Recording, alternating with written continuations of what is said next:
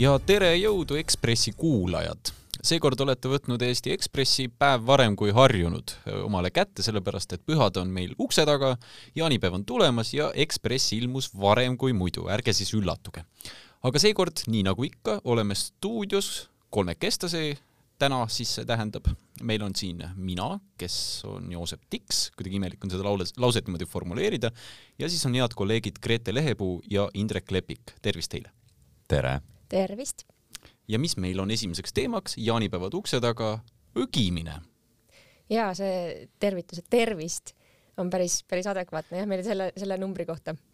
kindlasti on paljudel lihad ostetud marinaadis on ju ja kõik, mis äh, kilod äh, lähevad äh, grillile, lähevad ka kõhtu, ehk siis nii imelik kui see ei ole ka, siis me hakkame siin selliseid võib-olla noomijaid märkima, onju, need kurjad tädiksed, kes ütlevad, et ära söö liiga palju, kuid seekord Ekspress on võib-olla tõesti rasvumisele põhjendatud, sest äh, nii nagu statistika räägib, siis iga Eesti vii-, iga viies inimene on Eestis rasvunud ja mitte lihtsalt ülekaaluline, ei ole selline äh, mõnus kõtu, vaid tõesti probleem on.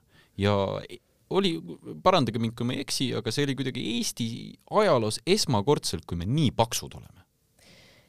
jaa, mm, trendid on liikunud niimoodi, et ähm, rasvunuid ja ülekaalulisi kokku ühiskonnas ei ole kunagi nii palju varem olnud. ja see on päris kurb vaatamine, et ühtepidi me näeme nagu positiivseid trende ka, et me sööme järjest rohkem juurvilju, puuvilju, äh, köögivilju, me liigume võib-olla rohkem. naiste seas me näeme, et äh, selline ülekaalulisuse või see, et ülekaaluliste hulk ei tõuse, aga mehed, mehed veavad Eestis ikkagi seda kurba statistikat, et me oleme liiga kogukad. mina ja Indrek siis seega? no teie veel mitte, aga räägime kümne aasta pärast uuesti, siis suure tõenäosusega jah et see on äh, mingil põhjusel, mm, kui muidu me näeme statistikas, et äh, see vanusegrupp niisugune viiskümmend viis ja ülespoole, et seal on väga palju ülekaalulisi ja rasvunuid, siis mingil põhjusel nüüd ähm, ka vanusesgrupis kolmkümmend viis kuni nelikümmend neli on äh, ülekaaluliste rasvunute hulk tõusnud. ülekaalulisi on rohkem kui normaalkaalus inimesi no ma ei taha siin muidugi, õnneks on podcast, keegi ei saa oma silmaga hinnata, et mis meil Indrekuga toimub, onju, aga noh, mõlemal meil on tegelikult ju teatavad kõhukesed ette kasvanud, et mis me oma elus siis valesti teeme? tead, ma arvan, et see saab alguse sellest, mida sa õigesti teed ja see on äh, sinu sissetulek et äh, mina võiks enda puhul küll öelda, paremini, jah? võrreldes ülikooli ajaga ikkagi täiskohaga tööl käies on seda raha rohkem ja seetõttu saad endale rohkem äh, lubada need asjad, mis olid ülikooli ajal preemia, võivad olla praegu iga, igapäevane toit äh,. kindlasti mängivad ju rolli kõik need kullerteenused, mis on teinud elu lihtsamaks. et, et ma arvan, see on kindlasti üks osa, aga jah, näen ka enda põhjal, et äh, vanasti käisime ülikoolis bussiga ja nüüd käime tööl autoga, et see liikumine on, on, on selgelt väga teine nagu väga suur trend ja ja just liikumine muidugi ju nagu see osa, mis ei ole sport, mis on lihtsalt see igapäevane liikumine, et, et ma näiteks olen puht huvi pärast, ma ei ole kunagi elus suur sammulugeja olnud, aga nüüd uue telefoniga ma olen lihtsalt, kuna ta automaatselt hakkas seda tegema, ma andsin talle selle loa, et siis ma olen ka jälginud, et mis see keskmine sammude arv mul päevas on. ja viimase kolme kuuga äh, on see veidi alla viie tuhande. võib muidugi öelda, et mul ei ole ka kogu aeg telefon taskus, mul ei ole mingit nutikella ega midagi muud. jah, ma olin ka haige vahepeal, aga lõppkokkuvõttes ikkagi noh, viis tuhat sammu, et see on kaks korda vähem kui see kümme tuhat, mis võiks nagu miinimum olla mul miski samm ei loe, aga ma võin kihla öelda, et mul tuleb ka umbes siuke keskmine viis tuhat, et kui ma näiteks Tartus elasin, ülikoolis käisin, seal vist käisin suht koht igal pool jala, ma arvan, et, et no seal Tartu andis selleks ka võimaluse. see hea. ilus linn oli, aga ta, praegu Tallinnas ma mõtlen, ma elan on ju seal, kus Hendriksoni küür on, seal on siis äh, palun täpsust. Magdalena haigla ja Pärnu maantee ääres no.. ühesõnaga kesklinnast niisugune viis-kuus-seitse kilomeetrit. Ei, ta on siin saab, ta on kesklinna all, ta on Kitseküla, ta on see A Le Coq Arena staadioni juures on kodu. Ja tööle ei ole ju tegelikult pikk maa mul tulla. Siitsamast jala, noh, ma arvan, võib-olla kakskümmend minutit jalutamist, viisteist minutit jalutamist et tegelikult võiks ju iga päev jala tööle tulla ja poleks mingit probleemi, ma arvan, et ega see trammisõit ka palju nagu lühem ei ole maajaliselt. ma aga... küll ütlen, et viisteist minutit on vist natuke optimistlik praegu. pakuks ka pool tundi, aga hea küll. no hea küll, vahepeal ma võin siin on ju natuke liialdada, aga, aga ega see ei ole pikk aeg, mis ma jalutaksin, aga siis ma hakkan mõtlema, ma peaksin tulema tipa-tapa mööda Pärnu maanteed, pöörama Liivalaia tänavale, siis pöörama Narva maanteele. õudne koridor, see on, no suviti on ta mikrolinahi ta,, talviti on ta onju nagu Liuväli. Liuväli ja Ubade -hmm. blender onju, kõiksugused õudsad asjad koos, mida ma ei taha endale nagu ümberringi saada. mul on hea meel, et sa selle välja tõid, sellepärast et ähm, näiteks WHO, mis siis võrdleb ka riike, muide Eesti, Euroopa regiooni ja see WHO, vaata see regioon on laiem kui, kui meie harjunud Euroopa Liit, seal on näiteks ka Kasahstan ja sellised riigid juures mm. -hmm. WHO ja selle, selles ähm, järjestuses me oleme kuskil seal keskmikud, et eestlased äh, ei vea päris seda rasvunud äh, edetabelit õnneks ja veel ähm,. aga WHO mm, aga hästi poolt, ka midagi ei ole, jah? no ei ole hästi, sest trendid äh, süvenevad, et üleüldiselt rahvastiku keskmise mõttes meil on järjest rohkem äh, suuremaid ülekaalulisi ja rasvunud inimesi ja, ja need trendid hakkavad laps, lastest pihta, nii et see nõiaring ei näi lõppevat ja kui me oleme muidu, me hakkasime kohe rääkima, eks ole, söögist, siis jaa, söök on üks asi, mis seda trendi mõjutab, et me ei tea, kuidas süüa või õigemini me sööme üle ja me sööme valesti. ja Indrek, sa tõid välja, et, et sul on nii palju raha, et sa saad head ja paremat osta, aga teine asi on ka see, et kas sa oled mõelnud, et kui sa olid näiteks seitseteist, kaheksateist, kui palju sul läks energiat lihtsalt nagu kasvamiseks ja kõigeks selleks ja kui palju seda läheb nüüd ega enam siis, ei kasvanud, kõht kasvab. just, et äh, me tegelikult äh, Juuksed minu jaoks, minu jaoks oli see täiesti heureka moment, ma ei ole kunagi mõelnud selle peale, et kui ma saan täiskasvanuks, ma tegelikult peaksin oma toidukogust võib-olla isegi vähendama et üks asi on see elustiili muutus või, või eluviisi muutus, et meil, meil on nüüd ära näinud need kohustuslikud kehkatunnid ja trennid ja kui ise ennast trenni ei sunni, et siis eriti tuleb veel vähendada on ju seda äh, kalorikogust või seda energiakogust, mis me sisse sööme, aga ka lihtsalt puht sellest, et sa, sa kasvad ja su organism muutub ja sellepärast sa pead teistmoodi hakkama sööma. meil pole küll keegi siin toitumisnõustaja, aga huvitav, mis see siis tähendab, et kui ma iga päev maratoni ei jookse, kas ma peaks salatit iga päev sööma, kord päevas suppi ja see on ka kõik? No sa saad minna tegelikult ähm, et ma võin sulle kohe otsida selle veebilehekülje üles, kus kus sa saad enda, enda eluviisi sisse lükata ja oma vanused ja kõike nagu mingi... ja siis saad selle kaloraaži kätte, mis sul peaks olema. see ei tähenda. see on nagu Exceli tabel siis või? kohe otsime. kuskil taustal kindlasti. et, et see, see ei tähenda, et me ei tohi süüa. söömine peab olema mõnus ja, ja üks nagu meie ühiskonna eluviiside probleemist on ka see, et me ei, me sööme kuidagi käigu pealt, kiirustades, õgides tõesti mm. -hmm. me sur surfame samal ajal netis, loeme midagi, mis iganes. kiire purks kätte, saab kõhu täis ja edasi tööle. jooksu pealt onju ja lähed kuskile järgmisse kohta istuma onju töölt. aga et, et söömine, see on ju, see on ju omaette nagu rituaal, võiks olla see, et sa tunned, sa naudid seda toitu, sa valid juba selle järgi, et sul oleks see nauding ja sa ka tunned, kui sul saab kõht täis ei no, ole nii, et pead taldriku alati tühjaks sööma, kui sa endale liiga palju tõstad. isegi kooli ajal on ju sööklas keegi ei teinud seda naudinguga, ma mõtlen, et, et ja. see võib-olla toitu nauditakse just nimelt liiga palju, ma mõtlen jaanipäev näiteks, jaanipäeval on ju kõik need igasugused ägedad šašlõkid ja värgid, salatid. seda küll, aga sa naudid mõistlikus piires.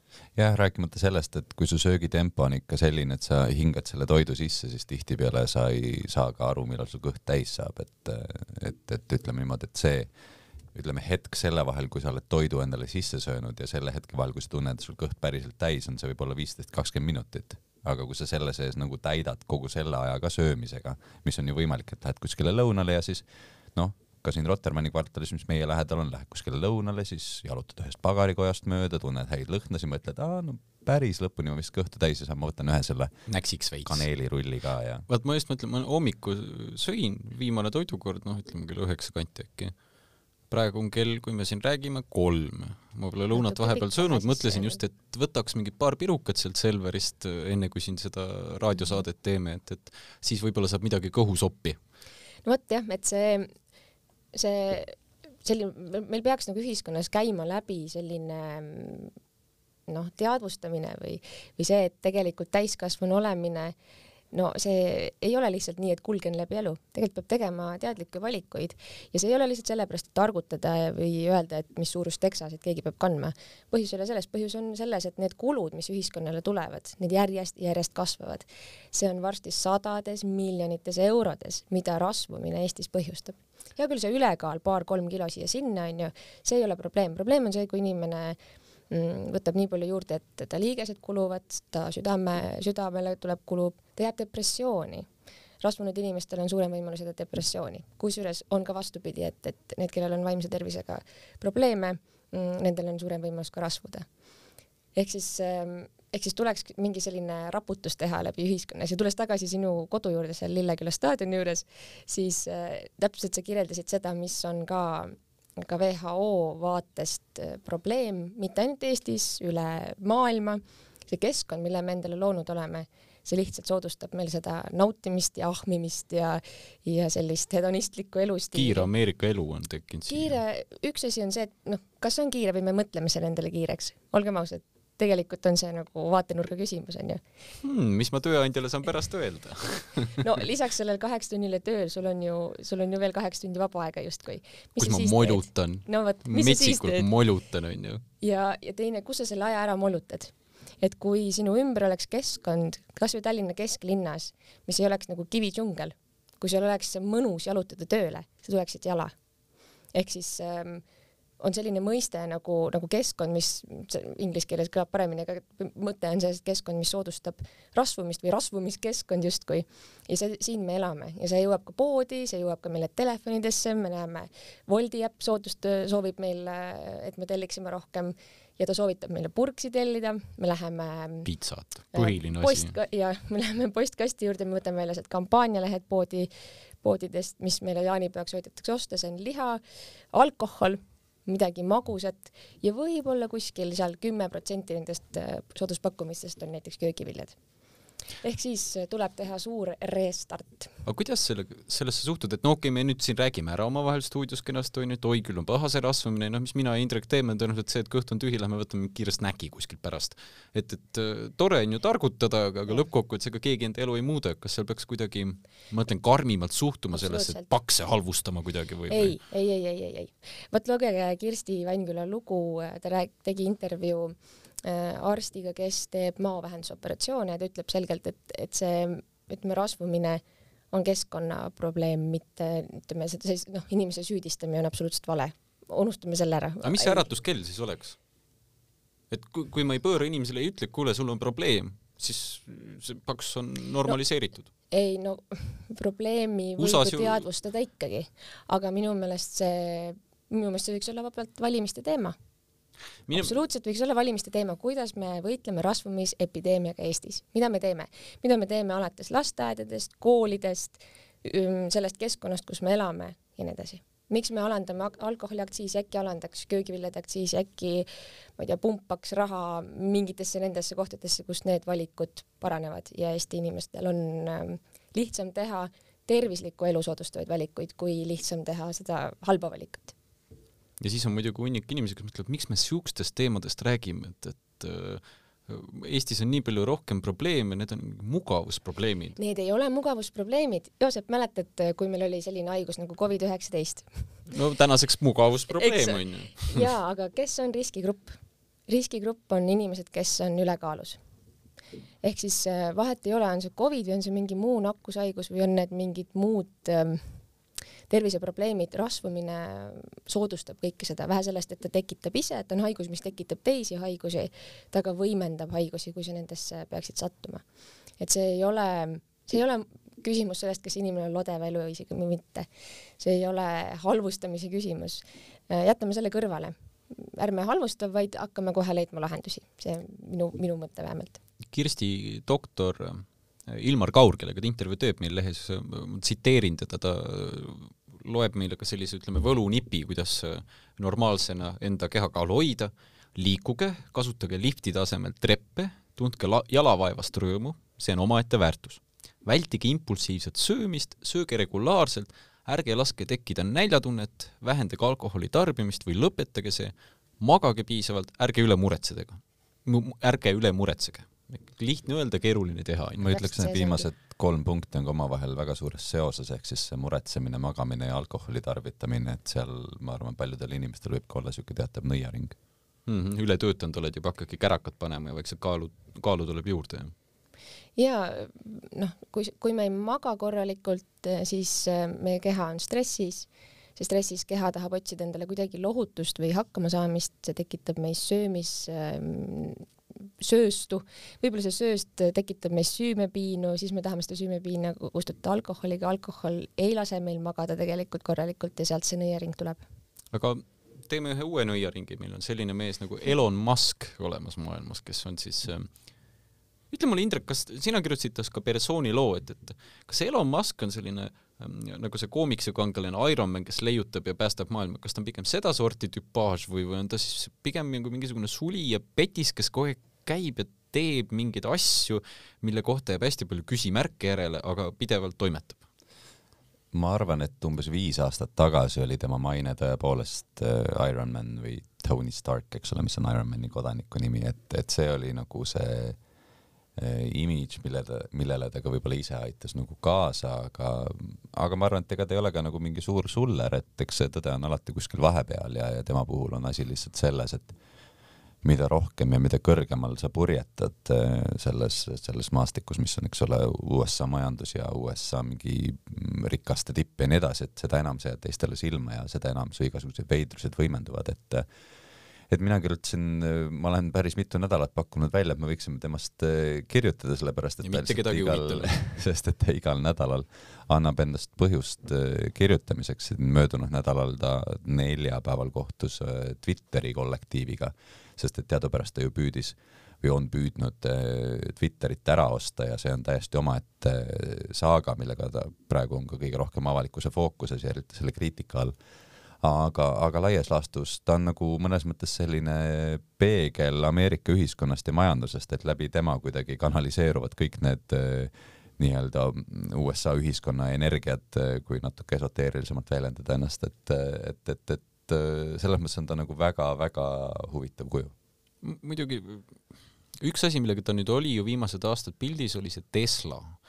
ja Tesla on elektriauto, superauto, selline, kõik vaatasid ja imetlesid ja nüüd selle Twitteri ostuga ta on kuidagi nagu pahamärgi jälle külge saanud ja kusjuures ma arvasin, et ta üldse ostis ära selle Twitteriga, selgub, et see on kuskil limbos kinni, ei ole muna ega kana, on ju, praegu mingisugune protsess seal käib et kas ta on ennast siis nüüd tühjaks ostnud ja oma maine maha, mänginud?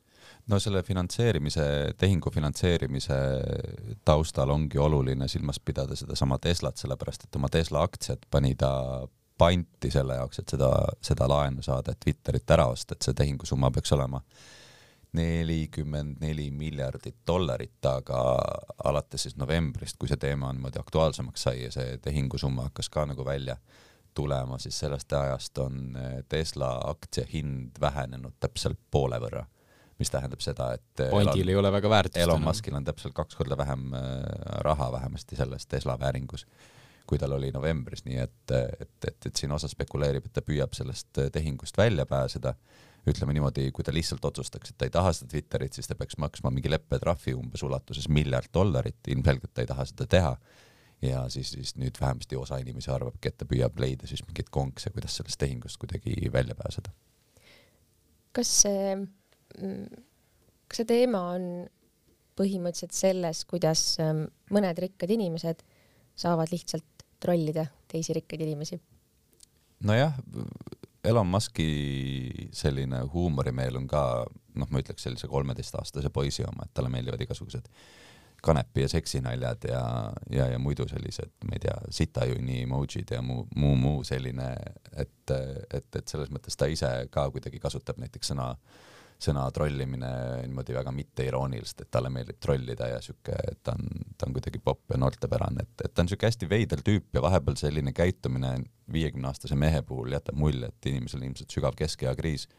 aga, aga teistpidi lihtsalt need rahad, mida äh, temasugune inimene käsutab ja, ja need äh, sõna otseses mõttes sajad tuhanded inimesed, kes tema, tema otsustest äh, sõltuvad oma töökoha kaudu, et et, et see annab tema nagu sellisele trollimisele märksa laiema ulatuse kui enamiku meie oma, et, et, et nii Tesla kui siis ka see kosmoseettevõte SpaceX ja nüüd siis ka potentsiaalselt Twitter, et et kõik nad on ühel või teisel viisil sellest Elon Muskist äh, sõltuvad ja Elon Muski ümber on ka kogu see USA ühiskonna äh, ütleme siis ju ka ametühingute teema, mis on seal taas nagu viimastel aastatel fookuses olnud, et, et, et, selles kontekstis jälle ta on selline väga selline üheksateistkümnenda sajandi äh, tööstöri mõõtu, kes, kes lööb ametiühinguid laiali ja, ja on selline kõva, kõva käega juht, kes samal ajal siis ka ma ei tea, mikromanageerib äh, tootmisliini.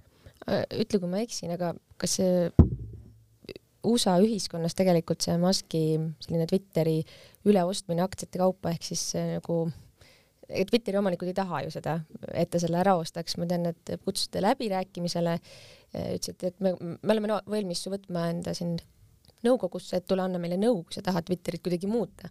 ära, ära tule lihtsalt nagu siukene mm, hagijas ja, ja kisu meid, kisu meilt seda tükki käest ära ähm,. aga et see eelmine küsimus mis ma just esitasin, tuleb sellelt pinnalt, et, et mul on jäänud mulje, et, et Musk tegelikult justkui tähistab USA ühiskonnas mingit sellist äh, mingit murdepunkti, kus tegelikult suurel osal on kopp ees sellest, et on mingisugused ultrarikkad inimesed, kes saavad teha, mis pähe tuleb. Ja just nagu sa ütlesid, tohutu hulga lihtinimeste töökohtade hinnaga. Ja kindlasti on, kindlasti on inimesi, kellele see närvidele käib, eriti ka olukorras, kus eh, seda tüüpi inimesed või noh, ütleme seda tüüpi jõukad ettevõtjad on asunud aina rohkem sellist äh, noh, mõneti ka sellist nagu trumpistlikku poliitikat äh, toetama, sest et ega, ega noh, ütleme see kogu see natsionalismi soust, millest seda serveeritakse, et see, sellest on neil kama kaks, aga aga, aga mida praegu ikkagi sellised parempopulistlikud jõud tihtipeale teevad, on ikkagi ütleme siis sellise äh, igasuguste regulatsioonide ja muude asjade lahjendamine, mis äh, mõistagi suurettevõtetel on alati kasulik, et ka, ka noh, selles mõttes oma teat-, oma poliitiliste eelistustega nad selgelt äh, esindavadki, ütleme siis tavalise tööinimese vastashuve ja ja, ja USA-s on selle najalt jah, ma ütleks tekkinud täiesti selline nii-öelda eh, klassikonflikt sellises nii-öelda marksistlikus mõttes, et eh, et, et selles mõttes jah, see tundub teataval määral nagu selline murdeline asi ja, ja pärast Covidit ongi küsimus, et, et kelle käes siis see jäme ots on, kas tööandja või töövõtja. ja, ja paljus ütleme niimoodi vananevas läänemaailmas ikkagi üha enam on see pendel vähemasti praegusel hetkel pöördunud töövõtja ehk siis töötaja kasuks, et, et, et selles mõttes tundub justkui, et, et Musk võitleb nii-öelda mingi liikumisega, mida tal ei ole võimalik enam nagu ümber pöörata, aga, aga noh, teistpidi jälle ei, ei oska öelda, aga, aga ütleme nii, et olukorras, kus eh, tööd on palju ja töötajaid vähe, et töötaja nagu selline tähtsus majanduses on kindlasti viimastel aastatel eh, kasvanud ja sealt tekib ka see konflikt. Oskate mulle öelda, ju kaevati nüüd kohtusse ka selle Dogecoini, et mingisugune nii-öelda püramiidskeem oli selja taga just nimelt äh, nii, et justkui Musk oleks selle tipus olnud, selle püramiidskeemi, et sellepärast kaevati ta kohtusse, sest oli kuskil mingisugune krüptovaluuta, mis siis kaotas hiljem väärtust, et mis selle sisu oli? Ja, ja minu arust, kirjeldan ka ära, miks see minu jaoks nagu kuidagi märgiline on, on võib-olla seesama klassikonflikt, millest sa räägid, et inimesed näevad vaeva, jäävad tööst ilma ja nende elu on kehv ja siis üks tüüp võib kuskil Twitteris paar postitust tehes kogu turu on ju laiali ajada ja sadade miljonitega lihtsalt mängida nojah, see ongi mõnes mõttes küsimus sellest, et mis on mõjujõud, et, et seesama Twitter, et kui no selle Dogecoini äh, sihuke lühikokkuvõte on see, et see oli üks mitmest tuhandest krüptovaluutast, mis mingil hetkel sai sai nagu natukene kuulsamaks, siis Elon Musk teatas, et tema on seda ostnud ja et selle eest saab ka Teslasid osta varsti ja ja, ja see mõistagi pani siis selle sama krüptovaluuta väärtuse vohama. jah, täpselt ja noh, siis ongi küsimus, eks ole, et, et, et kus, kus see manipulatsioon täpselt toimus ja millal millal ütleme, Elon Musk oma sellest äh, positsioonist jällegi väljus, eks ole, ja kui suure kasumi ta sellega võis teenida ja nii edasi, aga noh, see on kas ta tegi seda kõike teadlikult või see oli tema jälle niisugune trollimine? jah, nii-öelda trollimine, nagu huumor on ju. jah, sest et tegelikult see on laiem probleem olnud, sellepärast et siin näiteks Matt Damon promos ühte krüptokeskkonda, mis nüüd on äh, kokku kukkunud ja paljud teised kuulsused, sportlased, näitlejad on igasuguseid erinevaid krüptoprojekte promonud ja neil võimaldab seda teha lihtsalt see asjaolu, et krüptovarad või krüptovaluutad ei ole samamoodi reguleeritud, kui on näiteks noh, ütleme siis kogu see eh, aktsiate ja võlakirjade turg ja nii edasi, need niimoodi traditsioonilisemad investeerimisobjektid, et, et see ei ole samamoodi reguleeritud ja seetõttu saab öelda, eks ole, et see on äge asi, noh, ma ei ütle teile, et te peaksite seda ostma, aga pilgu-, ma pilgutasin silma, kes ei mm -hmm. näinud.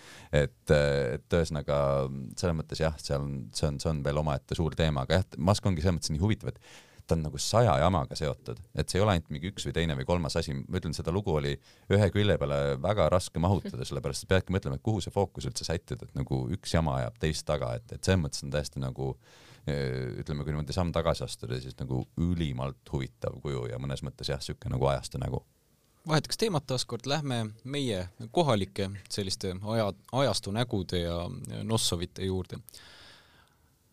valitsus, me oleme sellest juba pikalt rääkinud, nädalaid, kas tuleb kriis, kriis on käes, kas tuleb uus koalitsioon või ei tule, praegu on muidugi viimastel päevadel suhteliselt vaikne olnud kõik seal, et, et ei ole konkreetselt ilmingut, kas liigutakse millegagi edasi või mitte, on räägitud, et raskemad teemad jäetakse tulevikku, praegu üritatakse ühisosa leida, aga võib-olla enne teeks sellise mm, natuke spekulatsiooniringi. mis te arvate, kas äh, praegustest läbirääkimistest saab ka asja? mina kuulasin, millele, kuidas ajakirjanik spekuleerib, ikka hakkab allikaid otsima onju oma väidetele Äh, ma kuulasin Äripäeva raadios Ossinovski intervjuud, seal ta ütles tegelikult hästi, et äh, küsiti samad küsimust ja siis ta niimoodi vingerdas. Äh, aga see vingerdamine tundub, tundub nagu usutav, et kui juba laua taga ollakse ja kui juba sul on viis erinevat teemade paketti, mida läbi rääkida ja kui sealt nagu kolmandaks, neljandaks, viiendaks päevaks ei ole juba tüliga ära tuldud, siis ju selle koalitsiooni, koalitsioon ikkagi kokku ka saab. seda enam, et ähm, et siin ütleme, Isamaale meeldib ka nagu äh, niimoodi sulgi puhevile ajada ja, ja rääkida igasugusest suurtest reformidest, mida nad tahavad teha, on see elektrituru reform või poole aastaga. Pool, just, et, ähm, et, et ma arvan, et need on jutud, mis otsapidi märgivad valimiskampaania algust. Need on jutud, mida on hea praegu meedia päikesepaistes rääkida ja las nad neid jutte räägivad. ma arvan, me kõik tahame, et see koalitsioon ja, ja valitsuse töörahu saabuks aga ma loodan ka, et siis ähm, et noh, ka valitsuses on see arusaam, et hea küll, jäägu need mängud, mis nad on avalikkuse ees, et me, me teeme tegelikult selle üheksa kuu tööplaani ära. et, et võin kihla vedada, et need äh, suured lubadused tõenäoliselt ei saa koalitsioonilepingusse ja siis äh, jääb selline hea punkt, kus möllata enne valimisi, et oo, kuulge, meie koalitsioonipartnerid on nii pahad meie vastu mm. olnud, vaadake, mis meil kõik ära keelati, onju, et halb koalitsioonileping, aga kui me nüüd teeme valimised ja järgmise valitsuse, vaat siis te saate kõik pudrumäed ja piimajõed. võib, võib-olla või siis jäetakse, et äh, hakkame analüüsima, kuidas seda teha näiteks nojah, teistpidi jällegi enne valimisi keegi kindlasti tahab mingite juba tehtud asjade najalt valimistele minna, aga ma arvan ka, et siin saab selles mõttes nagu niisugust topeltmängu mängida, et, et sa lepid kokku, et nii-öelda püüame nüüd see üheksa kuud tööd teha, aga avalikkuses las siis keegi paugutab nii, nagu paugutab, et keegi siin ei solvu, teeme selle asja ära ja nagu valimised on valimised, me kõik saame aru, et, et valimistel me oleme üksteise konkurendid ja me teeme ära, et et noh, need läbirääkimised on alanud asjadest, mida on olnud, milles on olnud lihtsam kokku leppida, et sel nädalal kindlasti on nagu keerulisemad teemad, aga, aga ma arvan Finants ka, et kui sel nädalal põhiliselt on ju. jaa, et ma arvan ka, et kui, kui äh, nagu kui ollakse juba jah, olukorras, kus see asi pole praegu lõhki läinud ja, ja tõesti Eestis ei ole ajaloolist pretsedenti selle kohta, kus ollakse sellistes läbirääkimistes nagu praegu ja valitsust ei ole tulnud, et, et noh, küllap ta tuleb siis ka sel korral, jah. ja ma arvan, äh, kui siin ähm, Isamaa oma volikogu ära pidas ja, ja see, Seeder ütles välja siis, kel, mis tema valik on, tema valik on sotsid ja Reformierakond, pärast seda siis järgnes ju selline mm, noh, päris nagu jõuline sedastus, et kui Kaja Kallas tagasi ei astu, siis asja ei saa. mulle tundub, et Reformierakond vist on selleks valmis. Ähm, või siis see teema on nüüd viimastel päevadel ikkagi maas olnud. Ähm, et, et kaks, kaks varianti, ehk siis mulle tundub ka see nagu ei saa takistuseks Urmas äh, Jaagant rääkis meil eile, täna, äh, rääkis ühesõnaga Jaanus Karilaiuga, tegi intervjuud, aga kahjuks see leht ei jõudnud, aga veebis on olemas. trükikoda annab vastu näppe, kui liiga hilja seda teha, et äh, ilm, trükkimispäeva hommikul jõudis ta intervjuud tegema. kahju, et paberisse ei saanud, aga kindlasti palju meil on ka veebis lugejaid. igatahes, mis rääkis Karilaid? küsisin Urmaselt, tema sa-, hästi kiiresti seal trükkis ja auru tuli kõrvadest, aga, aga andis mulle lühikese ülevaate, mis siis intervjuus juttu on. Äh, esiteks Karilaid ütles, et äh, Reformierakonna eesmärk on, ma nüüd ei tsiteeri, aga, aga refereerin, et, et, et Reformierakonna eesmärk on vaesust põlistada Eestis. no jätkata, ütleme sellist poliitikat, nagu seni on jätkatud, äh, aga Keskerakonna eesmärk oli seis lahti murda, ma ei, ma ei saanud täpselt aru, et mis siis selle nagu võtte e mõte oli öö, algatada see peretoetuste asi ja valitsus lõhki ajada aga Karilaiu jutu järgi see oli siis äh, plaan, kuidas äh, nii ehk naa saada lapsetoetused kätte. raputada puuri nii palju, et noh, vaadake nüüd Isamaa nagunii räägib sellest, on ju, et nii või naa saab tehtud, et aitäh, Keskerakond ah,. et nad olid nii ohvrimeelsed, et nagu valitsusest kukkumise hinnaga nad tahtsid selle eelnõu läbi saada. kõlab jamana, on ju. aga see, see ju läheb sellesse Keskerakonna narratiivi, et ähm, kõik teised on pahad, mitte nemad, et Karilaid ei saagi muud väita. no ta väitis ka selle, et tegelikult saigi kehv koalitsioonileping tehtud natuke, et see oli nende viga ning äh, Ehm, mis neid eristab ehm, reformierakondlastest, ta rääkis ka, et see on see, et nad on julgemad laenuraha kasutajad. millega jah, ma olen nõus mm. ehk siis aga kas see on hea või halb asi, minu meelest see on fakt lihtsalt. sõltub päevast on ju. sõltub kontekstist, kas see on jah et noh, natukene eeldatakse, et iga, minu arust see on nii naljakas, et võiks viie aasta pärast lahti võtta uuesti need tänased jutud. kui majandus on muutunud, kõik on muutunud, et kas tõesti need asjad, mida poliitikud väidavad sellise konstantse mõjuga olevat, justkui esitan oma väite, et laenuraha peab julgelt kasutama. ja, ja see on justkui et igavene tõde, vahet pole, mis päev täna on või mis aasta praegu on. et kas see kehtib ka viie aasta pärast seal jutus või on kõik oma suled ära vahetanud, eks seda ole näha, on ju mm. -hmm. Eks ole jah kuulge, aga äh, viimaks äh,, meil on saade siin lõpukorral, aga midagi mõnusat on tulemas, jaanipäev mis teete? mul algab puhkus ja Gretel vist ka. minul algab ka puhkus ja, ja puhkus algab väga ilusa sündmusega, ma lähen ühte pulma. pulmaga algab jaanipäev? ja, ja, et äh, selline ja miks mitte, et mina isiklikult äh, ei ole oodanud jaanipäeva kui sellist mingisugust suurt püha võrreldes jõuludega näiteks või oma sünnipäevaga või aga äh, Äh, aga jah, et, et miks mitte pidada jaanipäevit, siis kahekümne neljandal juunil sain ma pulmakutse, kus peal oli kirjas, et ähm, kahekümne neljandaks juuniks sain pulmakutse, kus peal, peal oli kirjaks, et nüüd on siis sinu jaanipäevaplaanid otsustatud ja ma olen selle eest väga tänulik. üks mu sõber kirjeldas kunagi toredasti jaanipäeva, et äh, kui jõulud on see püha, mis sa veedad perega, siis jaanipäev on see püha, mis sa veedad sõpradega. suhteliselt sarnased pühad, aga erineva sisuga.